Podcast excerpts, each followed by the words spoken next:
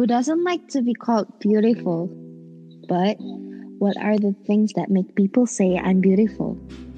Is it my face, my body, my color, or is it something else? Today's podcast episode will unfold about Indonesian beauty standards. Let's get started. Okay, so Jennifer, I have a question for you. What is Indonesian beauty standard for you? Hmm, personally yang paling stuck sama aku sampai sekarang itu body shape sih. Dari dulu selalu di encourage punya badan yang kurus jadi aku selalu mikir, oh nanti kalau aku kurus aku bahagia, aku lebih diterima sama orang-orang. Hmm, jadi biasanya aku artiin itu kurus itu cantik, cantik itu kurus. Like some of the time banyak yang ngomong ke aku kayak kalau kamu lebih kurus pasti lebih cantik. Banyak hmm. juga panggilan-panggilan case of my different body type and banyak hal lagi yang buat aku tambah nggak bisa accept myself as I am gitu. Hmm. Well, a story from me about how I started to change my perspective about myself itu waktu aku sekolah luar dan mereka bener-bener nggak ngerasa aku tuh beda atau aku tuh aneh gitu.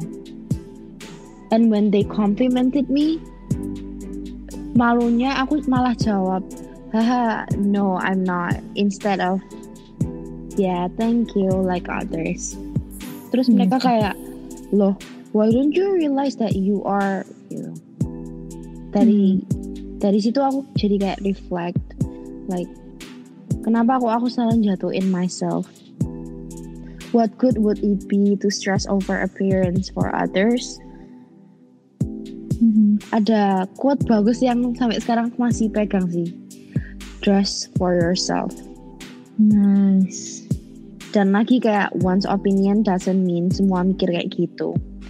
One's beauty standard doesn't mean it has to apply to everyone. Ya gitu hmm. sih. Gimana sih. buat Cici? Iya, benar sih. Aku setuju sama kamu. Uh, for me, growing up, yang bikin aku ngerasa Indonesian beauty standard yang masih melekat sama aku itu body shape, terus skin color, sama kayak kalau misalnya kamu mau dilihat cantik itu kamu harus sebisa mungkin mengubah apa yang kamu punya gitu. Bukan mengubah sih tapi lebih kayak ke make up gitu. Dan growing up aku pengen banget bisa turunin berat badan sampai aku diet-diet yang macam-macam gitulah yang pengennya pokoknya instan hasilnya. Dan as a result itu malah bikin aku stres gitu. Malah bikin aku kayak insecure dan aku baru nyadar aku insecure itu waktu aku sama kayak kamu sekolah overseas. Di sini orang-orang itu benar benar kayak nggak ngurus gitu. Ya misalnya kamu melakukan itu ya mereka kayak oh ya sudah gitu. Mm terus benar. ya for appearance wise mereka lebih terbuka lebih open minded gitu dan dari situ aku mulai merasa kayak oh gitu. Hmm. Itu sih. Benar jadi dari kayak kita berdua ini aku jadi ingat artikel title Beauty Standard by Bridgestone dia ngomong one of the expectation is about how they need to fulfill certain standards to be labeled as beautiful. That being said, beauty standards are set by the society. Hmm, jadi gimana ya? Asalnya society ini bisa punya beauty standard, after discussing, me and Jennifer, kita merasa bahwa beauty standard ini bisa muncul karena kita sering lihat kesamaan tipe-tipe orang yang sukses dan dibilang cantik oleh TV, social media, dan sebagainya. Now, let's look at the revolution of this beauty standard in Indonesia time after time. Yes. So earlier in 1980s until 1990s, Indonesia considered beauty as having an appearance like Susana, yaitu campuran orang Indo dan Belanda. Over time, the standards evolved towards Asian like beauty since most people prefer to enjoy more Korean, Japanese, and Chinese entertainment. Sekarang karena K-pop industri sangat besar di Indonesia, mereka memandang orang-orang Korea itu sebagai orang yang ganteng dan yang cantik. Hmm. Dari tren yang berubah ini, orang-orang khususnya para perempuan wants to achieve the same complexion as people who live in East Asia where fair skin, tall, and slim body is depicted in almost all movies, dramas, and social media. Hmm, bener sih. Aku jadi keinget artikel yang aku baca gitu. Dia bilang the shift of a beauty standard towards East Asian ini push Indonesian women to change their looks, especially tentang warna kulit mereka. Banyak banget orang-orang yang mau mengubah warna kulitnya jadi lebih putih supaya bisa achieve the East Asian beauty standard. Dan dari sini banyak banget beauty company yang memanfaatkan market-market untuk produk-produk mereka. Misalnya marketingnya pakai label whitening gitu. Dan jujur waktu aku baca artikel dari Samsara News, aku lihat ada company di Indonesia yang punya promotional line kayak gini. Dark out, white in. Increase your face value. Gila nggak sih?